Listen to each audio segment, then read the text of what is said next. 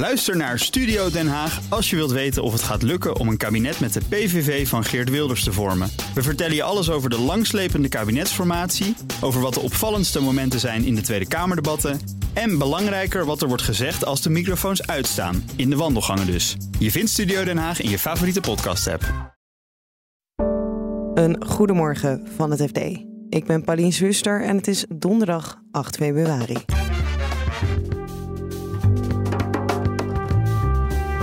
Gedoe in bankenland. Bij de Rabo is er onrust over het reorganisatieplan van de topman.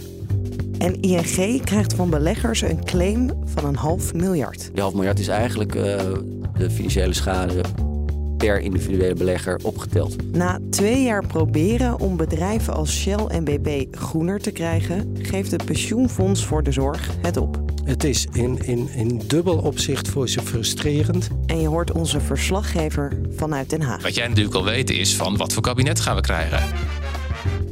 Dit is de dagkoers van het FD. Voordat we beginnen, eerst even dit. Wil je onze verhalen niet alleen luisteren, maar ook lezen? Probeer dan het FD vier weken voor slechts 1 euro. Ga naar fd.nl/slash dagkoers en meld je aan. Een grote groep beleggers wil 500 miljoen euro van ING als vergoeding van de schade die zij zouden hebben geleden door de witwasaffaire. Je hoort Zuidas-redacteur Martijn Pols. Deze beleggers hebben allemaal in meer of mindere mate aandelen ING gehad op een bepaald moment. En zeggen eigenlijk kort gezegd uh, dat ze meer informatie hadden willen hebben over de manier waarop uh, ING destijds met dat witwasdossier is omgegaan. Voor de, voor de herinnering dat uh, die schikking dateert uit september 2018. Toen betaalde ING 775 miljoen euro aan het Openbaar Ministerie als, als boete en schikking voor nou ja, het nalaten van het goed controleren van allerlei transacties van klanten. Ehm, maar dat heeft een hele lange aanloop gehad. En in die periode zijn er ook heel veel zaken in jaarverslagen opgeschreven. In, in, en elk niet naar buiten gekomen over de hoogte bijvoorbeeld van die mogelijke schikking. Heeft heel lang geduurd. Eh, en dan is er achter de schermen is er informatie waarvan die beleggers nu achteraf zeggen van ja, als we dat eerder hadden geweten. En als er eerder duidelijker over gecommuniceerd was geworden, dan hadden we onze aandelen misschien eerder verkocht. Of had ik ze überhaupt niet gekocht. En dat geldt dan, ja, iedere positie is weer anders. Hè, want je kunt niet inschatten wanneer beleggers zijn ingestapt of uitgestapt. Maar zij claimen op basis van het feit dat, uh, dat er informatie onder de pet gehouden zou zijn. Uh, claimen zij dat zij schade hebben geleden omdat zij niet een goede beleggingskeuze hebben kunnen maken. En wie zijn die beleggers? Het zijn, uh, naar ik me heb laten vertellen, 158 zogeheten institutionele beleggers. Dat zijn banken, verzekeraars, financiële instellingen, vermogensbeheerders. namen zijn op verzoek van de eisende partijen nog niet bekendgemaakt. En naar ik begrijp zal dat eh, op een later moment wellicht eh, bij een rechtszaak eh, nog wel naar voren komen. Wat ik wel weet, Europese en Amerikaanse beleggers. En zeker geen particulieren, even voor duidelijkheid, er is een onderscheid. Het zijn wel professionals. En dat maakt het op zich ergens wel nou ja, ironisch, omdat ING natuurlijk zelf ook een financiële instelling is. Dus eigenlijk een soort van door directe collega's wordt aangepakt. En is dat dan ook waarom ze niet willen zeggen dat zij het zijn, omdat ze de ING tegenkomen? Is wel het argument wat, wat gebruikt wordt. Ja, ze zeggen zelf van ze willen dat liever niet, nog niet of niet in de krant hebben. Omdat ze ook een andere mogelijke zakelijke relatie met, met ING hebben. Neemt niet weg dat ze toch de stap nemen om, om deze schade te claimen bij, bij ING. En kunnen we al iets zeggen over hoe dit mogelijk verder kan gaan? Uh, nou ja, het is in ieder geval uh, niet de eerste stap in een, uh, in een al wat langer traject. In eerste instantie stel je partijen aansprakelijk. Als dat dan wordt afgewezen, ja, dan heb je zwaardere middelen nodig om uiteindelijk te komen tot waar ze nu zijn gekomen, een dagvaarding. Waarin je heel minutieus hebt opgeschreven wanneer je op welk moment vindt dat, dat er misleiding zou hebben plaatsgevonden. Dat hebben ze ook gedaan. Ik heb die dagvaarding kunnen inzien en gelezen dat zij voor tien jaar ieder moment zo'n beetje hebben kunnen identificeren en ieder jaarverslag hebben kunnen aanwijzen waarin staat dat er bijvoorbeeld niks aan de hand zou zijn met de systematiek rondom witwassen. Terwijl ze op dat moment wellicht wisten dat er uh, wel, wel, degelijk al twijfels waren, al, alleen al door het, uh, door het strafrechtelijk onderzoek wat op dat moment al liep uh, bij, bij ING. Het kan nu eigenlijk grofweg twee kanten op. ING kan hier zo van schrikken en denken van nou, ik wil hier vanaf. We pakken nog een keer de portemonnee en we kopen het af. Dat hoeft dan niet voor die 500 miljoen te zijn. Dat kan ook natuurlijk een uitkomst van onderhandeling zijn. Kan uiteindelijk ook nog naar de rechter en en leiden tot een uh, langdurige rechtszaak.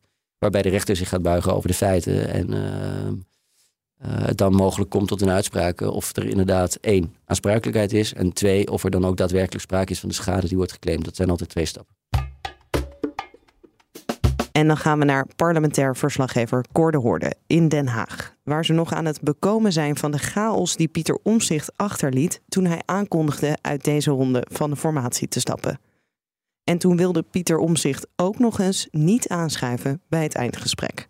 Ja, en als je dan niet eens bij deze avond even langskomt om uittekst en uitleg te geven, ja, dan weet je toch wel dat de, de verhoudingen niet zo, niet zo best zijn. Hebben we inmiddels al wat meer opheldering over die financiële tegenvallers waarvan Omtzigt aankondigde? Daar wist ik niet van. Nu wil ik niet meer verder praten. Hoe dat nou zit? Ik hoor nergens een verhaal dat er echt grote uh, problemen zijn. Het hele punt is de, de vraagstelling. Verzoek van omzicht is gevraagd aan alle departementen: wat zijn de tegenvallers? En B, wat zijn de eh, juridische en overige risico's? En er is niet gevraagd: wat zijn de meevallers? Nog even los van het feit dat ministeries dat liever niet melden. Want ja, als je zegt van ik heb misschien geld over, nou dan kan je het natuurlijk meteen inleveren bij de eerstvolgende voorjaarsnota. Maar even los daarvan, ze hebben er niet eens naar gevraagd. Als je alleen naar de, naar de tegenvallers vraagt, dan krijg je natuurlijk een heel zwart plaatje. En er komt bij, ja, als je vraagt naar de risico's, ja, risico's. Wat zijn risico's in het leven? Als je een lijstje wil hebben, dan kan ik een heel lang lijstje voor je maken. Dus ja, als je met die vraag eh, vervolgens het antwoord krijgt, ja, dan krijg je een, een somber plaatje. Maar is dat plaatje representatief voor uh, de werkelijkheid, hoe je normaal in politiek Den Haag uh, akkoorden smeet? Nee, dat hoor je ook overal. En ook van de drie overige partijen, dus van de PVV, de VVD en de Boerburgerbeweging, die zeggen alle drie: op basis hiervan had je gewoon verder kunnen praten. Kan ik dit dan interpreteren als een manier zoeken om uit die situatie te komen van omzicht? Misschien is dat het inderdaad wel. Hij moest op een gegeven moment toch ook uit, want binnen zijn eigen fractie ligt het gewoon nog altijd heel moeilijk. Natuurlijk het financiële plaatje en al die dure wensen, maar ook gewoon de basis waar we ooit begonnen zijn, vlak na de verkiezingen. Die, die, die ongemakkelijke verhouding van ja, uh, wij als NSC, die altijd grondrechten en grondwet uh, in de mond bestorven hebben, hebben liggen, moeten wij nu uh, samengaan met een partij die, die minder minder schreeuwt, die de Koranverbod wil, dat soort zaken.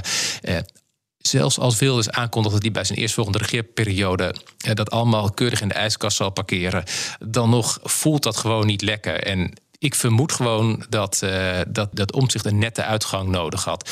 Maar goed, ja, um, die, die uitgang klinkt heel netjes, maar hij is in ieder geval uh, heeft er niet toegeleid uh, dat de verhoudingen geweldig zijn gebleven. Durf je al iets te zeggen over hoe nu verder? Heel praktisch hoe nu verder. Volgende week is er een Kamerdebat, dat is gepland. Uh, naar aanleiding van een verslag dat Ronald Plasterk, de informateur, gaat schrijven. Dat is ook al gepland. Dus dat gaat sowieso gebeuren. En dan zal uh, omzicht helemaal doormidden gezaagd worden aan alle kanten. Tot zover. Maar wat jij natuurlijk al weet is van wat voor kabinet gaan we krijgen? Nou, uh, jouw antwoord is het mijne. Um, kijk, in beginsel is alles nog open. Ook dat minderheidskabinet wat, wat omzicht wil. Maar ja, als het allemaal echt zo'n financiële puinhoop is, dan eh, wat, wat moet je dan met een minderheidskabinet? Want zo'n kabinet zal in, in deze situatie dan hele moeilijke, impopulaire beslissingen moeten nemen. Dat, dat gaat natuurlijk niet met een minderheidskabinet, want dan moet je gewoon steun hebben in de Tweede Kamer, anders, anders lukt dat niet. Ja, en ook overigens is dat gewoon echt een heel moeilijk eh, scenario. Kijk, het is niet ondenkbaar hè, ehm, dat het een beetje die kant op gaat. Ehm, want ja, het andere scenario is dat je uh, door het midden heen gaat. Nou, ten eerste heb je dus, dus uh, zonder PVV, maar met uh, GroenLinks PvdA. Maar ja, ook in dat scenario heb je Pieter Omzicht weer nodig. Dus die, die man met zijn twintig zetels, daar ontkom je toch bijna niet aan. Ja, dus ja, dan is alles nog mogelijk. Ja, en als je zegt van ja, nieuwe verkiezing, ja, ook dat kan theoretisch. Ja, alles kan. Het is niet makkelijker op geworden, Cor. Nee, zeker niet.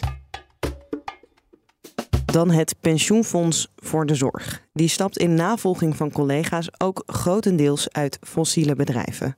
Nadat ze twee jaar lang hebben geprobeerd om een paar van hen, zoals Shell en BP, de groene kant op te krijgen. Hoe dat ging, hoor je van verslaggever Pieter Kouwberg. Daar zijn ze ernstig mee in de dialoog gegaan. Dus dat betekent veel kopjes koffie, maar wel met de duidelijke doel: wij willen binnen twee jaar van jullie aantoonbare resultaten zien. En wat voor resultaten? Nou, dat ze actief investeren in alternatieve energiebronnen. Dus zon, wind, alles anders dan olie en gas. veel met ze gesproken, ook bij aandeelhoudersvergaderingen best activistisch geweest. Ze hebben een keer meegestemd met Follow This, wat zo'n activistische aandeelhouder is die zegt: uh, je moet de groene weg in, je moet verduurzamen. Ze hebben echt twee jaar lang druk op die lui gezet. En na die twee jaar geconstateerd: uh, het schiet niet op. Lijkt me toch ook wel een deprimerende conclusie dat je dan twee jaar hebt geprobeerd en dat dan ja, toch niet te veranderen blijkt van binnenuit. Het is in, in, in dubbel opzicht voor ze frustrerend omdat uh, dit pensioenfonds zegt eigenlijk: we hebben die grote jongens nodig voor de energietransitie. Ze hebben de kennis, ze hebben het geld, dus we willen graag dat zij, zeg maar, de koplopers zijn, de, de leiders. Dus aan die kant is het ontluisterend. En het is ook een beetje ontluisterend voor hunzelf dat ze als aandeelhouder gewoon niet zoveel te zeggen hebben. Dat ze eigenlijk een van vele aandeelhouders zijn. En uh, dat ze netjes zijn aangehoord. Uh, maar dat ze het horen hebben gekregen. Hé, hey, wacht even, sinds uh, de Russische inval in de Oekraïne wordt er geschreeuwd om olie en gas. Dat is één. Dus er, er is vraag naar. Twee, er zijn heel veel aandeelhouders die zeggen: blijven olie en gas pompen, want dan hebben we energie de komende tijd beschikbaar tegen een goede prijs. Dus blijf doen waar je goed in bent. Dus het is op twee manieren eigenlijk een nederlaag voor ze. En financieel gezien heeft het nog uh, gevolgen? Nou, op de korte termijn denk ik dat ze een hele goede zaak hebben gedaan. Namelijk sinds uh, Oekraïne zijn de, de, de, beurskoersen van die oliebedrijven allemaal omhoog gegaan. Dat is wel een beetje cynisch, maar het is echt zo. Dus uh, ABP heeft twee jaar geleden hun fossiele aandelen allemaal verkocht. Toen stonden die aandelen niet hoog. Pensioenfonds PFZW verkoopt ze nu, afgelopen tijd. Dus ze hadden een betere timing. En ja, pas op de lange termijn zul je echt merken wat het rendement is. Zelf zeggen ze, het is maar ruim 1% van onze portefeuille. En andere sectoren, techsector, doet het goed. Dus uh, zij vinden zelf dat ze qua rendement niet veel uh, verlies erop gaan leiden. Maar dat weten we alleen maar over een jaar of vijf. En tot slot onrust bij de Rabobank, waar topman Stefan de Kranen wil reorganiseren. Te complex, te hiërarchisch, te log. Hij vindt dat dingen te lang duren, aanvragen, et cetera. En, hij vindt, en hij vindt ook dat er meer geld verdiend moet worden. Dus hij heeft een, uh, een plan gelanceerd waarbij de bank wat strakker geregisseerd wordt. Hoe dat eruit moet gaan zien, wordt steeds duidelijker. Je hoort bankenredacteur Rutger Bedler. Uh, een hele belangrijke wijziging, uh, die zit in de kringen. Tenminste, wat ze dus de kringen noemen.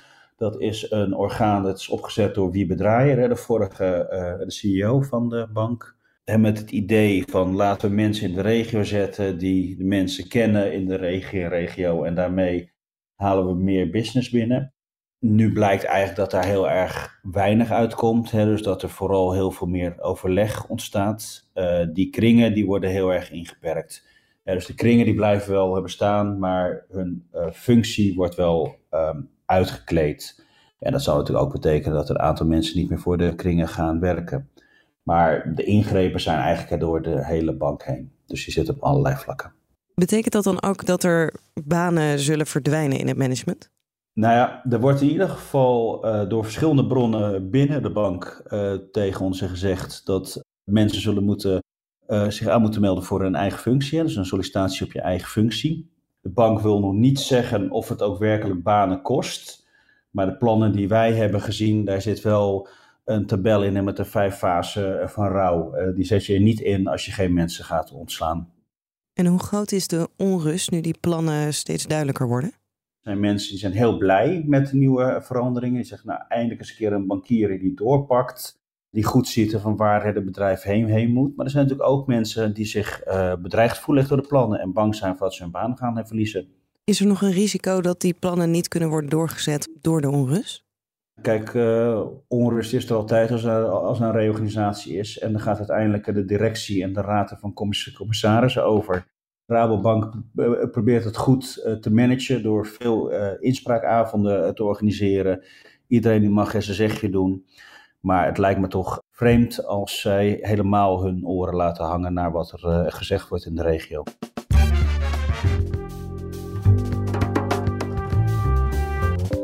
Dit was de dagkoers van het FD. Morgenochtend zijn we er weer. Nog een hele fijne dag en graag tot morgen.